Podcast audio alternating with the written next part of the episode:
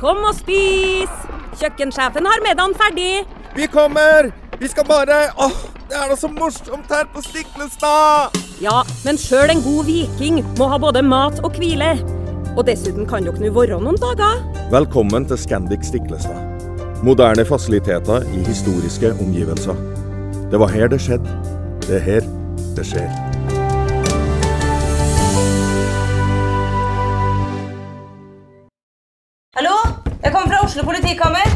Ine Jansen er purk. Er du purk? The motherfucking bitch. Alt jeg vil, er å finne ut hva som skjedde med mannen min. Jon Carew. Er jeg sikta for noe? Iben Akeli. Det er du. Ole So, Lars Berrum og Big Daddy Karsten. Hvem sin side er du på, egentlig? Anette Hoff, Tone Danielsen, Kommer du fra Afrika? Jørnis Josef, Nesten. Kløfta. Trond Espen Seim, Det er synd å si det, men det var feil mann som døde. Purk. Premiere tirsdag på TV2 Play.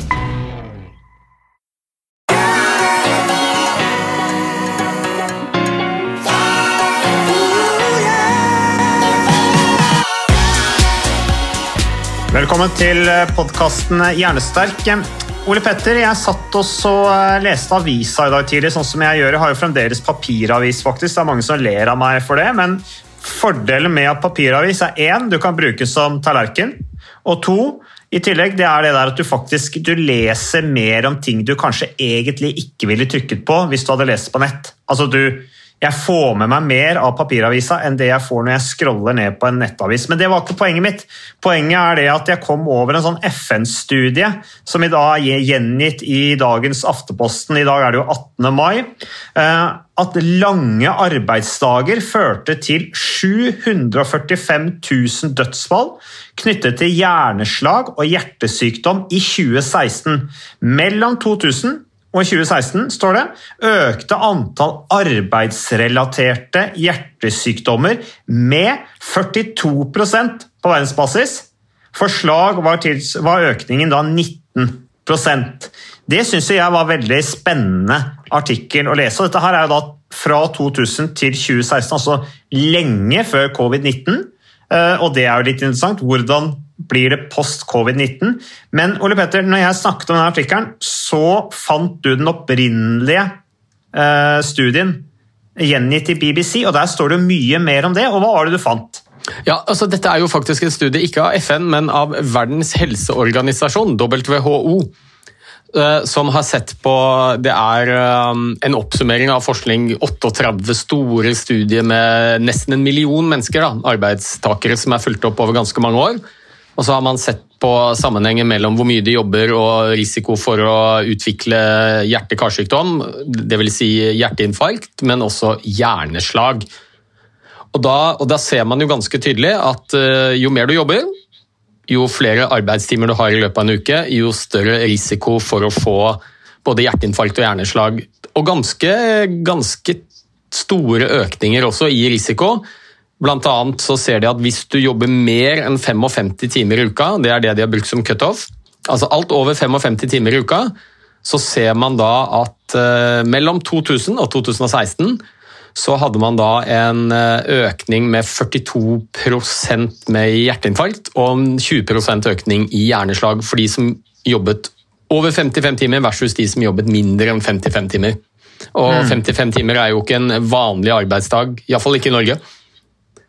Nei, det er jo en del eh, Det er, eh, ja, det er nesten åtte timer om dagen hele uka, det. Sju dager i uka, eh, hvis jeg regner riktig i huet mitt nå. Men uansett, det er jo litt sånn spennende. I, I, gamle dager så var det jo på en måte arbeidsulykker. Folk døde av at de fikk mursteiner i hodet og, og fallulykker og sånne ting. Nå er det kanskje mer i den moderne verden, så er det mer hjertet som svikter. og Da er det vel ikke pga. at man løper så mye rundt at hjertet blir overbelasta. Da vil jeg vel heller tro at dette her er relatert til stillesitting kombinert med stress.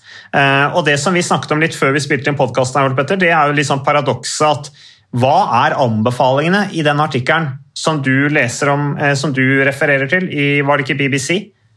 Eh, jo, jeg var først inne på, inne på, BBC for å se en litt sånn populærvitenskapelig sammenskrivning av artikkelen, og så gikk jeg inn og så på originalartiklene.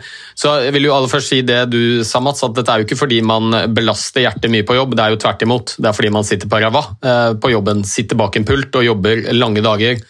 Og, og det vi tror er den viktigste årsaken, er jo at eh, når vi jobber mye, så er jo gjerne det forbundet med en del stress. Og, stress, det vet vi, det, mm, det er ikke bra for hjernehelsa eller hjertehelsa. Det øker blodtrykket.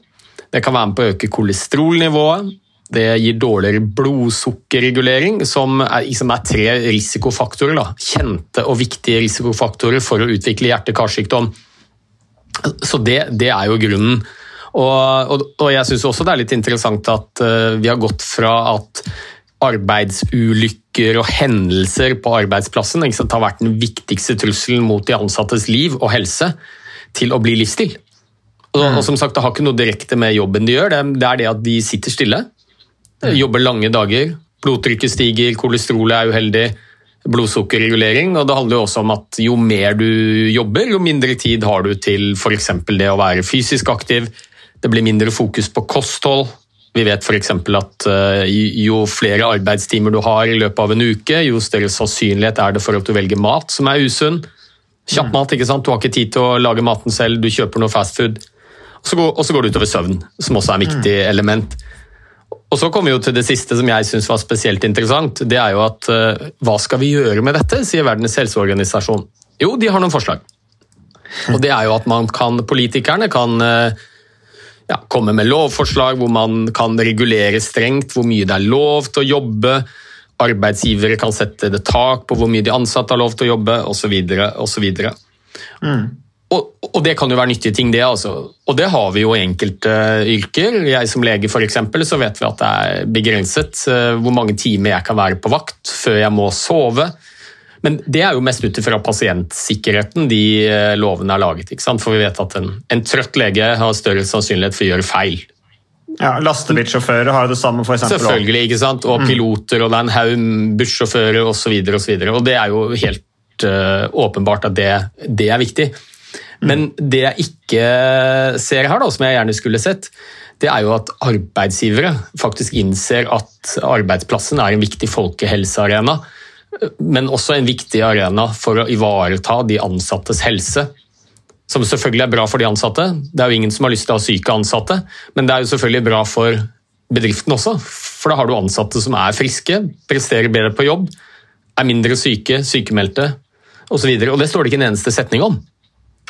Nei, og det, det, det, som er interessant med det du sier der, Ole Petter, er jo det at altså, lov, altså lovpålagt arbeidstidsbestemmelser, altså du ikke har lov til å jobbe eh, mer enn så og så mye, det er jo flott, men i dagens verden, særlig post covid-19, så vil jo stadig flere bedrifter legge opp til mer fleksitid. Og det, jo, det, vil jo være vanskelig å styre hvor mye ansatte jobber, og det kan jo også være en del ansatte som tenker at ok, Eh, nå, I dag skal jeg ta en lang skitur, og så skal jeg da jobbe enda mer i morgen. Det kan jo bli en sånn type uh, løsninger i, i, beste fall, da, uh, sett med et helseperspektiv. Men, men, det vil jo bli, i en moderne verden så vil jo det kanskje Du kommer litt kort med akkurat det der. Da vil det kanskje være bedre eksempel som f.eks. Siri Nilsen, som vi hadde podkast med i Amesto Accounta, som snakker om hvordan hun prøver å stimulere til bedret fysisk form blant de ansatte og seg. Eh, vi hadde Christian Jomås i Pareto Security som snakket om viktigheten av å stimulere til god mosjonsatferd for å nettopp tåle stor arbeidsbelastning fordi stressnivået var så høyt på, på den arbeidsplassen Pareto Securities. Så det, det jo, må jo være en mer moderne måte å tenke på, det der å, å skape insentiver for de ansatte til å holde seg for, men også det å følge det opp og ikke minst stimulere til å gjøre det. Og Det står det jo ingenting om i den artikkelen eh, vi refererer til eh, her nå, Ole Petter. Nei, absolutt ingenting. og det tenker jeg Her er det jo en del arbeidsgivere som er gode på det, men altfor få foreløpig som, som faktisk har sett at det å ha fokus på de ansattes helse. Ikke bare at de er på arbeidsplassen fra klokken åtte til fire og gjør de jobbene de skal, men at de legger forholdene til rette, sånn at man kan ivareta de ansattes fysiske og mentale helse. F.eks. med ordninger hvor man har ja, dette med fysisk aktivitet, kosthold som en del av bedriftskulturen. Da. Du og jeg jobber jo litt, eh, eller du jobber mye med det, og jeg har begynt å jobbe med det, jeg også. Og se hvilken fantastisk gevinst det har for de enkeltansatte, men ikke minst for bedriften. Og Da snakker vi ikke bare om sånne helt harde endepunkter på bunnlinje og sykefravær, og alt dette, men også bedre trivsel på jobb. Mm. Altså Folk har det bedre på jobb, presterer bedre på jobb, Ja, men det som også er et annet poeng, da, Ole Petter, det er jo det at det er noe som mangler. Det er én brikke som mangler der. Eh, og det er jo nettopp det der med, som du var inne på, det der med, med oppfølging. Um, at, uh, at, det på en måte er ikke innarbeida. Vi har jo snakka mye om, mye om uh, gym, eller kroppsøvning på skolen. Vi har snakka mye om, uh, om, viktigheten av barn i aktivitet og sette den oppfølginga i system. Men i den artikkelen vi snakker om nå, så er jo, er jo det derre Her står det jo svart på hvitt at folk stresser og muligens jobber seg i hjel, og de har behov for mer fri. men det hjelper jo kanskje ikke å ha mer fri hvis ikke de bruker den fritiden også godt i forhold til å bygge opp egen helse, til å komme på en ny dag og, og tåle den arbeidsbelastningen innenfor det timeantallet de skal jobbe. Eh, så, så, så, det er på en måte det derre å faktisk ture å si at ja, Eh, vi må faktisk eh, sette mosjon og fysioterapeut, livsstil, på agendaen også i arbeidslivet. Jeg syns det, det, er et, at den artikkelen på en måte sier det mellom linjene uten at den konkluderer med det. Ja, helt åpenbart. Og, og, når vi har et folkehelsemål om å få ned mm, antallet livsstilssykdommer, hvis vi kan kalle det det, så, så må vi bruke alle de arenaene vi har. Og nå har det, vært, det er mye fokus på dette med barn. ikke sant? Barnehage, skole, hvor man ser verdien begynner iallfall å se verdien av at barn får lov til å bevege seg litt mer. Hvorfor har vi ikke dette på høyskoler, universiteter eh, og arbeidsplassen? Og, og, så er det jo noe med at eh, noen har tøffe jobber med mye, mange arbeidstimer, mye arbeidspress, og det kommer man ikke unna. Og blant annet mitt eget yrke. Og Da er det jo noe med at jo bedre fysisk form du er, jo bedre takler du de lange arbeidsukene. Så 55 timer i uka ville kanskje ikke vært noe stor Kanskje ikke noen helseutfordring i det hele tatt for en som var i god fysisk form og tok vare på seg selv, men blir en kjempestor utfordring for en som kanskje er inaktiv og i dårlig fysisk form. Så det er jo noe av det aller viktigste, da, det å være i god fysisk form, så står du mye mer robust og takler tøffe arbeidssituasjoner som noen jo har og ikke kommer utenom. Men Ole Petter, det er jo litt sånn eh, Det er mange som ikke helt skjønner det der, og det er kanskje rart Det er kanskje ikke så rart de ikke forstår det heller. det der, Når vi sitter mye stille, vi, vi, er mye inaktive, så faller formen fordi at hjertet blir svakere. Enkelt og greit. Altså, sitter vi mye stille, hjertet slår sakte, så blir det svakere. Og da hvis du får stress på toppen av det, så stiger da hjertefrekvensen pga. stress. Og hvis du da har et veldig svakt hjerte, så stiger da hjertefrekvensen fort ved relativt lav stressbelastning. Er ikke det en måte å forklare det på? Uh, dette her med stillesitting og, og, hjertefrekvens og belastning på hjertet uh, når, når, det, når, det, når man opplever mentalt stress? Jo, uh, altså det, er jo, det, er, jo, veldig mange risikofaktorer ved det å sitte stille. Det er jo ikke bare hjertet det påvirker, det påvirker jo så godt som alle organsystemer det er negativt å være inaktiv og stillesittende. Men akkurat når det gjelder dette med hjerte og hjertefrekvens, så er det jo sånn at når du eh, er fysisk aktiv, trener, så stresser du jo også hjertet ditt. Og Det er jo nødvendig for at hjertet skal tilpasse seg det vi kaller adaptere, tåle en større belastning. Altså Du får rett og slett et sterkere hjerte når du trener. Eh, et hjerte som ikke trenger like mange slag på å pumpe ut det blodvolumet du trenger, f.eks. for å sitte på jobb. Så en, en, en, godt trent eh, kontorarbeider som er flink til å ivareta seg selv og trene, kan kanskje sitte og ha en hvilepuls på 40. 40 slag i minuttet er det som skal til for at du får nok oksygen rundt alle kroppens organer. En som er mm. dårlig trent, trenger kanskje 65 eller 70 slag. Ja, det er jo klart at det, det sliter på hjertet, den ekstra jobbingen, når du er dårlig trent. Og så er det jo alltid noen som spør meg ja, men du sier du stresser hjertet når du trener. Hvorfor er det så annerledes enn jobbstress f.eks.? Eller kronisk stress? Ville ikke det også vært bra for hjertet? For når du blir stressa, så pumper jo også hjertet raskere. Ja, men den viktigste forskjellen er at hvis du skal få en effekt på et organ, om det er musklene dine eller hjertet ditt eller hjernen for den saks skyld, så er du avhengig av vekselvis å belaste det og hvile det. Og det er jo det du gjør når du trener. Trener du mye, så trener du kanskje en time om dagen. Og da jobber hjertet hardt den timen. Men så hviler du jo resten av dagen øh, og er jo såpass god form at da klarer du deg med veldig få hjerteslag. Men hvis du har kronisk stress, arbeid, ting du tenker på hele tiden, så er det jo 24-7 med belastning på hjertet. Så det rekker jo ikke å ta seg inn igjen og det vi kaller adaptere, tilpasse seg og bli styrket. Så, så det er jo den forskjellen på det stresset du opplever, altså fysisk stress når du trener, som er bra, for da er det korte perioder med hvile imellom, mens det kroniske stresset, ofte mentale stresset i forbindelse med jobb og vanskelige livssituasjoner og hva det måtte være for noe, det belaster absolutt hele tiden, og det er skadelig. Men også er det dette her også, Ole Petter, at hvis du er en godt, relativt godt trent person da, eh, som trener regelmessig, har et sterkt hjerte, så faller jo pulsen raskere også. Altså Du restituerer deg raskere. Eh, La oss si at du løper opp en trapp, eller du løper gjennom en eh, korridor fordi at du skal rekke et fly, eller du stresser fram og tilbake til et møte, så synker jo pulsen også da raskere mellom hverdagsbelastningene. Så gjennomsnittspulsen blir jo da, selv om du kanskje trener, så blir jo den da lavere enn en dårlig trent person. Er, er ikke det et poeng også? Jo da, og det er jo et egentlig veldig godt tegn på hvor god form du er, som man kan eksempel bruke selv. Folk som er glad i å trene, la oss si at de er ordentlig ivrige, og så trener de intervall. Så er det et veldig godt tegn på uh, hvor god form du er, det er å se hvor mye synker pulsen din i pausen. La oss si at du løper fire minutter, og så har du ett minutt pause. Og så Jo bedre form du er, jo, jo, mindre, jo raskere vil pulsen stige med en gang pausen begynner. Så du tar deg igjen uh, fortere. Eh, Men så er det jo en haug med andre endringer som skjer også i hjerte-karsystemet, i tillegg til det med hjertefrekvens. Det er det at hjertemuskelen blir kraftigere, som er grunnen til at eh, pulsen også synker. Det skjer masse med blodårene, de blir mer elastiske. Blodforsyningen til vevene øker, du får flere sånne mitokondrier som forbruker oksygen og lager energi. Blodsukkerregulering, kolesterol altså Det er et hav av eh, fysiologiske endringer som er positive. Du Fantastisk, lesing! Altså det, det finnes jo ikke et legemiddel altså det, var, det var noen som hadde gjort noen studier på dette her da, for å se litt hvor mange forskjellige legemidler måtte du ta for å begynne å nærme deg den effekten du fikk av en treningsøkt.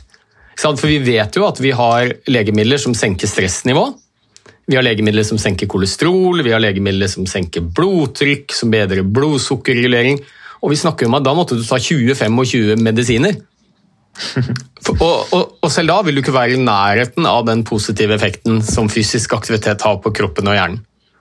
Så, så det, er jo, det er jo egentlig det nærmeste vi kommer rett og slett en mirakelkur. Det er no-brainer, som man sier i næringslivet. Det er no-brainer. No-brainer å komme seg ut og trene. Altså, det er bare helt utro... I dag så snakker vi bare om hjertet, Ole Petter. Og hjertet er jo veldig viktig. Jeg prøver å lære barna mine om hva som skjer med hjertet når vi er ute i fysisk aktivitet. Vi, ute, vi gikk en tur i skogen i helga, og da prøvde jeg å fortelle liksom, når du løper opp den bakken der Jeg roper jo da heia, heia ikke sant, når de begynner å løpe. Jeg syns det er veldig bra at de løper. Noen foreldre sier nei, nei, ikke løp fordi at du kan falle og slå deg. Jeg sier selvfølgelig løp og gi alt. Løp på, Eh, om du faller, reis deg opp, det går bra. barn skal falle og slå seg litt. Det, det er bare bra. Eh, Men eh, da sier jeg jo også at ja, da, da vokser hjertet ditt. Hjertet blir sterkere, det vokser, da pumpes det med blod rundt i kroppen din, og du får mer oksygen til hodet, så du tenker klarer du deg med blid, sier jeg til de. Og det er jo, ikke sant? Magnus Carlsen, som vi har referert til et par ganger i denne podcasten her, vi burde nesten ha han som gjest, så mange ganger som vi har sagt om han egentlig, men der er det jo det samme. Sitter på rumpa, flytter sjakkbrikker, eh, høyt stressnivå, trene fysisk for å takle stresset. Det samme med Nyrox som vi hadde på podkasten her, eh, eh, verdensmesteren i Fortnite, eh, som også snakket om dette her med, med fysisk aktivitet i forhold til stressmestring eh, og i forhold til mental helse. Eh, Opplever du høyt stressnivå, så er jo det der mentale aspektet selvfølgelig også en viktig del av det, men hjertet er jo elementært i forhold til dette med blodgjennomstrømmingen, som er, er spennende. Men Ole Petter, når vi er inne på dette med hjertet, så har vi jo fått et, eh, vi har fått et leserinnlegg her, eller et lesespørsmål, eller lyttespørsmål heter det vel når det er en podkast. Her står det Hei, jeg er fast lytter av podkasten deres og liker den veldig godt. Takk for det. Jeg lurer på Ukas annonsør det er eh, HelloFresh. Og eh, hvis du nå går inn på hellofresh.no og bruker koden 'fresh hjerne', så kan du få opptil 1779 kroner rabatt på da de fem første matkassene dine, hvis du ikke har prøvd Hello Fresh enda. Og Ole Petter, vi er jo glad i Hello Fresh i podkasten Jernsterk, selvfølgelig fordi at de er en annonsør. De er med og bidrar til å spre det glade ordet om fysisk aktivitet og god helse, men i tillegg så har jo vi også nå lang erfaring med Hello Fresh eh, selv, så vi må jo si at det har vært gode erfaringer til nå. Ja, absolutt. Visste du, Mats, at HelloFresh det er faktisk verdens ledende matkasseleverandør? Og tilbudene til HelloFresh gjør det enkelt å lage gode og varierte retter som skaper matglede. Og matglede vet du, det er like viktig som hva du putter i munnen. Det å spise mat med folk du trives med. Så gjennom 25 nye og inspirerende retter hver uke så bidrar HelloFresh til dette. Du kan bestille ekstra porsjoner om du får gjester, eller hoppe over uke hvis du f.eks. skal bort. Og Det er ingen bindingstid, og du velger leveringstidspunkt og dag selv, så leverer HelloFresh matkassen din akkurat når det passer deg. Ikke dårlig, Mats. Nei, det er veldig bra. Så, eh, og dette er med enklere hverdag, det kan jeg nå skrive under på. For nå, forrige erfaring vi hadde forrige uke, Ole Petter, det synes jeg var Det var jo et gjennombrudd eh, for familien Kaggestad. For da lagde rett og slett barna de lagde middag og serverte middagen, så den var ferdig laget og servert da når eh, min kone Marita og meg kom hjem fra jobb. Og jeg mener Det var jo bare helt utrolig. Eh, det var helt fantastisk. Det ble en nydelig middag. Riktignok de, de, de, de roter og søler litt, det gjør de. Så, men, men, maten ble veldig god. De var veldig stolte over å kunne ha både laget og servert maten, så det var helt fantastisk. Så vi har jo da i siste så har vi eh, spist eh, bl.a. sitron- og dillstekt hyse med ovnsbakte grønnsaker og aioli. Eh, vi har spist middelhavsinspirert kylling. Taco, så finnes det mange ulike typer taco, f.eks. vietnamesisk taco, som vi har spist. Thailandsk vegetargryte, veldig riktig og sunt uh, i dagens uh, samfunn med, med, fokus på bærekraft. Hvitløk og chilistekte reker i spagetti, det var definitivt en vinner. Så det er så flott. Du får rimelig mat ved at du kun betaler for det du trenger, så det blir ordentlig feststemning med Hello Fresh. Det gjør det, og nå er det bare for deg å gå inn på hellofresh.no og bruk koden 'fresh hjerne'. Da får du opptil 1779 kroner rabatt på de første fem matkassene dine hvis du ikke allerede har prøvd HelloFresh. Du kan også bruke rabattkoden hvis du har stoppet abonnementet ditt for tolv måneder siden eller mer. Er det noe å lure på? Håper maten smaker godt. Bon appétit! dere kunne tatt opp i en episode om hjertemedisiner og trening. Jeg tenker da mest på medisiner som Zelo, Sokk og Triatec, og hva de gjør med pulsen under trening. Jeg opplever at jeg ikke kommer opp i puls, selv under intervaller. Blir egentlig hjertet skikkelig trent? Er da spørsmålet fra denne lytteren som har sendt dette spørsmålet, disse legemidlene. Og her tror jeg at du er den rette mannen til å svare på det. altså. Det kan jeg nok svare på. Dette er jo to legemidler, bare så det tenker litt sånn generell opplysning om de. Det er ikke sikkert alle har hørt, eller det er sikkert mange som ikke har hørt om disse legemidlene. Det er legemidler vi bruker mot eh, bl.a. høyt blodtrykk. De kan også, den ene kan brukes mot rytmeforstyrrelser i hjertet, og det kan også brukes mot eh, hjertesvikt. Men, eh, og, og, Her vet jo ikke jeg nok om uh, hva som er grunnen til at denne personen står på disse legemidlene, men det jeg kan si ganske generelt, er jo at den, uh, det legemiddelet som heter Celosok, det er en såkalt betablokker. Og det vil si at den bremser hjertets kapasitet. Altså Den bremser arbeidet på hjertet, og ved å gjøre det så synker bl.a. pulsen, og så synker blodtrykket. Så det brukes mye mot høyt blodtrykk. Så er, I de fleste tilfellene så brukes det som en blodtrykksmedisin. Mm. Og Den andre som ble nevnt, heter Triatec. Det er en såkalt på fagspråk heter det ACE-hemmer, som også er en blodtrykksmedisin. Så ut ifra det lytteren har skrevet inn, så høres det ut som vedkommende står på to legemidler mot høyt blodtrykk. Og um, det som er litt ulempen med den betablokkeren, som heter Celosok, og, og, det er mange nordmenn som står på betablokkere som eh, enten har høyt blodtrykk, eller kanskje har hatt et hjerteinfarkt, kanskje har de hatt et hjerneslag, så står de på det for å forebygge nye hendelser, nye tilfeller av sykdom. Og For mange så er det en litt uheldig medisin å stå på. Den er veldig effektiv for å senke blodtrykket, men problemet er at den, den bremser jo hjertet, sånn at du klarer ikke å få opp pulsen din skikkelig. Og, og det pasientene opplever da, de blir veldig fort slitne, selvfølgelig. Det er jo det at du får økt puls og økt mengde blod som blir sendt rundt, som gjør at du orker å løpe fort og sykle fort og føle deg i god form. Så det er en skikkelig brems på hjertet. eh, Med det resultatet at mange syns det er veldig traurig å komme seg ut og trene, for de føler seg så dårlig i fysisk form. Så, så Det det er derfor det brukes eh, Det er derfor det brukes eh, Det er derfor det står på forbudslista for idrettsutøvere som driver med type sånn presisjonsidretter, som f.eks. skyting, bueskyting, hvor det, det kan brukes da for liksom ha kontroll på pulsen. Ja, ja, og og det er jo selvfølgelig fordi at når du blir nervøs, skal skyte eller skal være med i en konkurranse, så øker pulsen din. Det er en naturlig del av det å bli nervøs, og da blir du mer skjelven på hånda, avtrekksfingeren osv. Så, videre.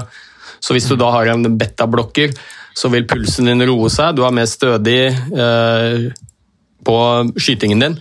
Så det er helt riktig det, men det, vært, det er absolutt ikke et dopingmiddel som gir noe økt eh, fysisk kapasitet, så du vil aldri finne en syklist eller en eh, skiløper som tok det. Det ville vært drepen.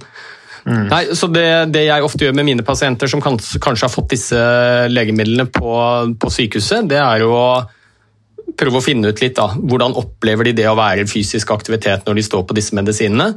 Og Da ser jeg at det er veldig mange som mister motivasjonen. De syns ikke det er noe gøy å trene lenger, for de føler seg i så dårlig form. Og Da er min klare anbefaling, gitt at dette er tatt mot høyt blodtrykk, for det finnes mange forskjellige typer blodtrykksmedisiner som ikke bremser hjertets aktivitet, sånn at da anbefaler jeg de å bytte til en annen blodtrykkssenkende legemiddel som ikke har de eh, det negative treningseffektene på hjertet. da. Så, så svaret på spørsmålet er jo at hvis dette er en person som er glad i å trene, og det høres jo sånn ut, så ville jeg gått til fastlegen min og spurt om man kunne gjøre et bytte, bytte ut betablokkeren med et annet blodtrykkssenkende legemiddel. Som det virker som vedkommende allerede står på. Eventuelt øke dosen av det andre legemiddelet som ikke bremser hjertets eh, aktivitet. Men jeg vil presisere at jeg ville ikke gjort det på egen hånd. Gå til fastlegen din. Jeg kjenner ikke sykehistorien godt nok, og det er viktig å ha kontroll på blodtrykket, men eh, det kan være et eh, alternativ. Bytte ut den betablokkeren med en annen type blodtrykkssenkende medisin som ikke bremser hjertets aktivitet. For det er jo ekstra uheldig hvis du har en person med høyt blodtrykk som mister motivasjonen til å trene fordi medisinene gir bivirkninger. Så, for det er, er det virkelig noen som har god effekt på helsa ved å trene, så er det jo de med høyt blodtrykk. Så um, kontakt fastlegen, se om du kan bytte legemiddel. Ja, for det snakket vi om forrige, jeg tror det var forrige podcast, Petter, hvor du snakket om denne studien som eh, var gjennomført på folk som hadde hatt hjerteinfarkt, var det vel? Eh, Og hvor bra trening og til og med relativt høyintens trening også var for å styrke hjertet igjen. Og Ja, ja. Veldig mange er jo redde for å trene ikke sant? pga. at de har hjerteproblemer. og Det er på en måte en, en tankegang eller en metode eh, eller en holdning til problemet som er på vei ut innenfor fagmiljøene. Dette er at man skal være helt i ro. Ja, veldig på vei ut. Så mm, eh, hvis du har høyt blodtrykk, hvis du har høyt kolesterol, hvis du har hatt et hjerteinfarkt, og det er mer enn to uker siden du har hatt det, og du har vært hos fastlegen din og alt ser bra ut altså Det beste du kan gjøre for helsa di, faktisk vel så viktig som å ta legemidler, som jo veldig mange får etter hjerteinfarkter også, det er å være i fysisk aktivitet. Nå er det implementert som standardbehandling eh, rundt om i hele verden. Det er faktisk den beste måten å unngå å få et hjerteinfarkt første gangen på, men også for de som har hatt et hjerteinfarkt, trening. Slår, slår de beste medisinene til og med. Ja, og da synes jeg, Nå syns jeg liksom ringen er litt slutta på den praten vi har hatt. Ole Petter, Vi starta med denne studien som handla om eh, stress og hjerte... Altså at folk dør av stress pga. hjerteproblemer. Eh, Og nå snakker vi om da trening som behandlingsform. Men da er jo på en måte budskapet det å drive forebyggende. Fordi at det er jo det er veldig sånn, sånn uh, innafor å snakke om fysisk trening, eller heldigvis begynner fysisk trening å bli mye mer innafor å snakke om i behandlingsøyemed. Da mener jeg at folk begynner å få øynene litt mer opp. Men det der med forebygging, det sitter jo langt inne i helsevesenet eller sykevesenet, eh, eller i samfunnet generelt. Eh, og det har jo da med bevissthet å gjøre, men bevisstheten går jo virkelig opp for folk når de plutselig ligger der. Eh, og forhåpentligvis overlever og får beskjed om at nå må de ta tak i det. Ja, da, og Det er jo en, er jo en grunn, annen grunn til at det er sånn også. og det er jo, det er jo et, et, hjerteinfarkt er jo ganske lett å oppdage. Altså Har du hatt et hjerteinfarkt, så vet du at du har hatt et hjerteinfarkt. Stort sett de aller fleste som har det. Så da kommer man jo til lege, og så får man oppfølging. Og så vet legen i dag at det å være fysisk aktivitet det er like viktig som legemidler for å forebygge nye tilfeller. Utfordringen er jo en del av de menneskene i Norge som går rundt med risikofaktorer for å utvikle hjerteinfarkt, men som er friske føler seg helt friske, men kanskje er de inaktive, og så har de høyt blodtrykk uten at de vet det selv. For det legger du ikke merke til før det blir målt. Eh, kanskje har de uheldig kolesterolnivå, det legger man heller ikke merke til. Så har du kanskje litt uheldig blodsukkerregulering, som man heller ikke legger merke til. Så hvordan skal vi fange opp disse? For pasientene merker jo ingenting, de føler seg friske, og da går de jo ikke til legen. Så det, så det, er jo litt av det jeg jobber med. Da. For jeg tror de aller fleste er enig at det er mye bedre å forebygge et hjerteinfarkt enn å behandle et. Bedre for individet selvfølgelig, og mye rimeligere også for samfunnet.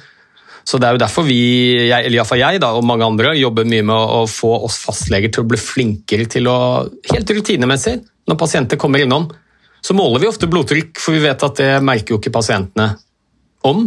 Altså, De merker ikke at det er litt høyt, så derfor måler vi det regelmessig, selv om de kanskje kommer inn for noe helt annet. Og Det bør vi begynne å gjøre med andre livsstilsfaktorer også. Begynne å snakke om fysisk aktivitetsnivå, snakke om kosthold, snakke om søvn. Alle disse tingene da, i livene våre som påvirker risikoen for å bli syk senere i livet. Så kan vi komme inn på tidligere tidspunkt og forebygge mer. Veldig smart. veldig smart. Du, Ole Petter, eh, det var jo, jeg var i Grimstad på langhelg i forbindelse med 17. mai. For at Kona mi har jo familie der nede. Eh, stor familie. Og så var det jo det var jo også 17. mai i går, eh, og da ble vi vekt av sånne kanoner som skjøt litt før klokka sju på morgenen. Og da tenkte jeg ok, i dag er det en dag hvor det skjer mye. Det er barnas dag. Da skal jeg være mest mulig til stede. Og hvis jeg skal være mest mulig til stede, så skal jeg også være på. Eh, og da skal jeg få trent på, på, forhånd, for da er jeg mye mer på. Eh, så jeg dro ut og løp klokka sju. Det er ikke noe sånn grisetidlig, det, eh, men det var jo en fridag, så jeg kom meg ut. Men jeg hadde sovet veldig tungt den natten, som jo er kjempebra. Sannsynligvis fordi jeg hadde hatt en lang sykkeltur dagen før, så jeg var helt utslitt. Jeg er ikke vant til det lenger. Og jeg var så tung i steget Eh, fra start av. Jeg, jeg, følte at beina var ikke med i det hele tatt. Og jeg var ikke våken i huet. Det var altså så tungt, de der første stegene, at, at jeg, ja, det, det, var, det, var, ikke bra. Uh, men jeg, jeg, holdt det jo gående, og så husker jeg at jeg så en video som jeg også bruker litt i foredraget jeg har i, i næringslivet, hvor du viser på en måte gevinsten av fysisk aktivitet i å skanne hodet, og så ser du hodeskann før og etter fysisk trening og se hvordan aktiviteten har gått opp i hjernen. Og så tenkte jeg litt på den, og der husker jeg det var I den videoen så sies det at det er sånn ca. etter 20 minutter da begynner virkelig hjernen da, å få effekt av den fysiske aktiviteten. Og Det begynte jeg å kjenne litt for det var sånn rundt ca. 20 minutter at jeg begynte å føle meg lettere i steget. Og på slutten de siste ti minutter, da bare beina jeg på og følte meg kjempesterk. ikke sant? Full av pågangsmot og offensivitet og bare dro på. Følte meg litt nesten sånn runner's high. Da. Det var ikke helt runner's high, men det var ikke sånn langt unna. Eh, men altså, de, de første 15 minuttene var helt pyton. Og de siste 15 minuttene var helt fantastiske. Eh, har du, har du, noe, har du noe erfaring med det selv? Jeg har jo masse praktisk erfaring med det, men eh, det er også gjort noen eh, studier på det der. og um, det er jo en del ting som tyder på at det tar litt tid. Fra du, spesielt hvis du ruller ut av senga og skal ut og, og, trene, så tar det for det første litt tid før blodsirkulasjonen settes ordentlig i gang til musklene dine, som jo er viktig for den følelsen du har når du skal ut og løpe. Men kanskje ikke minst hjernen din, som akkurat har, våknet. Det er jo hjernen som styrer søvn. Så det tar, det tar, en del minutter før hjernen våkner skikkelig. Og, det handler jo om at disse kjemiske stoffene som vi vet belønner hjernen når vi er ute og, og trener, dopamin og endorfiner og endokannabinoider og alle disse vi har snakket om tidligere, det tar litt tid før de skilles ut og får sin eh, effekt. Og det, det kan ta 10-15-20 20 minutter. Så, mm. så, Derfor pleier jeg alltid å si til de som er glad i å trene på morgenen, så er det ta det litt lungt helt i starten, sånn at du ikke mister motet hvis du føler deg litt tung de første minuttene. Det er ganske naturlig når du akkurat har våkna, men så kommer belønningen, og den kommer ganske raskt. Og da er det mange som føler seg kanskje ekstra pigge mot eh, slutten av økten når de trener om morgenen. Og Det er faktisk en av de tingene jeg snakker mye om med mine pasienter som har lyst til å begynne å trene og bli mer aktive, eller mosjonere, få mer aktivitet i hverdagen. Så hvis du har mulighet, så sier jeg prøv å få lagt inn den økten du skal ha, så tidlig som mulig på dagen. Og Det er mange gode grunner til at det er en anbefaling. Det ene er jo at det er litt lettere å overvinne den dørstokkmila og late hjernen når du gjør det tidlig på dagen. Og Det er nok helt sikkert en del mennesker som kjenner seg igjen at en del av deg har lyst til å gå ut og trene, men så er det en på den andre skulderen som sier at nei, du, kanskje jeg heller skal ta en halvtime i senga. Det føles veldig deilig. Mm. Og, og, de motkreftene du møter, de blir det flere og flere av utover dagen. Hjernen din blir rett og slett sliten. Eh, og det er litt vanskeligere å ta gode, gode, valg. Det vet vi når det gjelder trening, når det gjelder kosthold. Så Jo tidligere du planlegger å komme deg ut, jo lettere sannsynlighet er det for at du faktisk får gjennomført økta. Og så viser det seg også at det å trene tidlig på morgenen, det gjør at vi tar sunnere kostholdsvalg gjennom dagen. Det er med på å styre appetitten vår på en bedre måte. Jeg har gjort noen studier på det, hvor du har sett eh, personer som trener tidlig på morgenen en hel uke. Hver dag, en liten økt hver morgen. Og så måler du kaloriinntaket deres resten av dagen. Og så måler du appetitthormoner i blodet. Og det vi ser da, er jo at eh, de dagene hvor de trener tidlig på morgenen, så velger de mindre mat og sunnere mat enn de ukene hvor du har gjort akkurat samme treningsøkt, men hvor den er på ettermiddagen. Mm. Så det har en positiv innvirkning på kostholdsvaner og appetitt. Og så tyder det også på at det gir bedre blodtrykksregulering gjennom hele dagen, bedre effekt på kolesterol, og ikke minst søvn også. Mm. Rett og slett at eh, jo tidligere på dagen du trener, jo større andel av søvnen din kommer i den dype fasen som er, aller mest helse, helsebringende for oss. Så absolutt all trening er bra, uansett når på døgnet du gjør det, men det er litt større sannsynlighet for at du får gjennomført det. Og noe tyder på at det gir litt større helsegevinster også å trene om morgenen hvis man har mulighet til det. Ja, og det er da sikkert noen som eh, Jeg tror jeg har hørt noen si at jeg kan ikke trene om morgenen for jeg er så trøtt. Eh, men det er jo jeg òg. Jeg, er treig om morgenen, jeg trenger tid til å komme i gang. Eh, men da når jeg kommer meg ut og trener, så, så får jeg virkelig fart på, på systemet. Men det, du, må måte, du må på en måte komme deg over de der første minuttene. Du må bare fortsette og fortsette. og fortsette. Som du sier så fint, Ole Petter, belønningen kommer.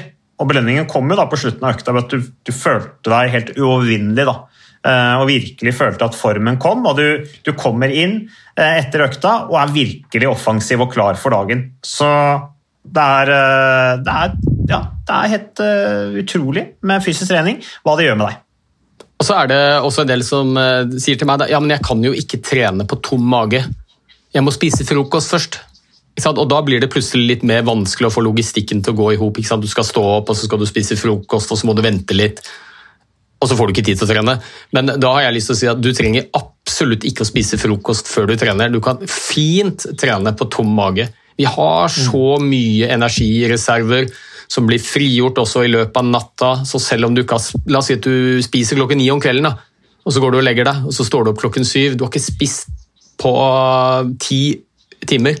Det går helt fint. Du har god og fin og stabil blodsukkerregulering, du har plenty med energi fra fettreservene dine, glukose som sendes ut. Så, så det er absolutt ikke nødvendig å, um, å, spise frokost før du løper. Og, og jeg har jo drevet med aktiv idrett og løpt maraton. og Mitt raskeste maratonløp det løp jeg klokken tolv på formiddagen. Da var mitt siste måltid eh, ni kvelden før. Spiste ingenting. Bare drakk litt kaffe og eh, litt vann. Så det er en myte det at du må fylle på med masse energi før du skal ut og trene. Vi har plenty av energi å ta av. Så ta gjerne treningsøktene før frokost. Smaker frokosten litt bedre etterpå også. Jeg gikk jo rett til 17. mai-frokost, så det var jo egentlig perfekt. Timing sånn sett. Så det, nei, men Bra, Ole Petter. Det tror jeg vi får tatt opp en del bra ting i dag. Dette med hjertet um, det var veldig bra, syns jeg, i forhold til den undersøkelsen som det ble referert til. Og så denne tunge starten på dagen som ble en veldig bra start på dagen. Uh, Det der å bare holde ut, komme seg ut, bruke treningsøkta til å, å, å komme i gang få en bra start på dagen, det gir masse fantastiske gevinster. Så da er det egentlig bare å takke for eh, at du har lyttet på podkasten Jernsterk. Takk til deg, Ole Petter. Du skal vel kanskje ut og trene? Eller du har trent? Ikke ennå, men jeg skal. Nå gjør jeg jo ikke det jeg sa jeg skulle, da. Jeg skulle jo gjerne trent i dag tidlig, men eh, her var det litt barnehagelogistikk og sånt, så det får ta økten i ettermiddag og så prøve en ny økt i morgen tidlig. Ja, for det er litt viktig at selv om du ikke får da få trent på morgenen, så er det ikke dermed sagt at du ikke skal trene. Nei, Økta altså, er altså, jo kjempebra uansett. her er jo poenget, man må jo prøve å bare få gjennomført de treningsøktene man kan. Så det er jo det jeg sier ofte, da. Den beste treningsøkten er den du får gjennomført. Så uansett når på dagen, når på døgnet, så er en treningsøkt alltid bra. Men uh, har du muligheten, så prøv på morgenen. Og så er det et lite element til som jeg glemte å si, og det er jo dette med humør. Og det er klart at Hvis du starter dagen med en treningsøkt, så vet vi at humøret bedres et, etter en økt. Og Da vil du jo nyte godt av det gode humøret hele dagen og kvelden. Framfor å trene på kvelden. Da blir du også i bedre humør, men da blir en del av det gode humøret ditt eh, kasta bort eh, mens du sover. Sånn, for å sette litt i anførselstegn her. Så Flere timer med godt humør. flere timer med godt humør hvis du tar økten på morgenen nå. Mye bra reklame for å komme seg ut og mosjonere her, så det er bare å gjøre. Takk for at du lytter på podkasten Hjernesterk. Takk for nå.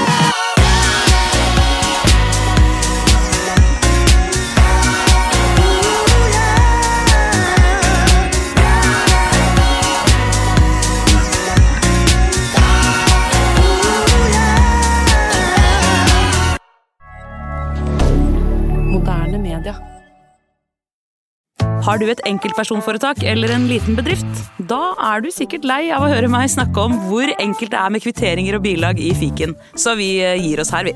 Fordi vi liker enkelt. Fiken superenkelt regnskap.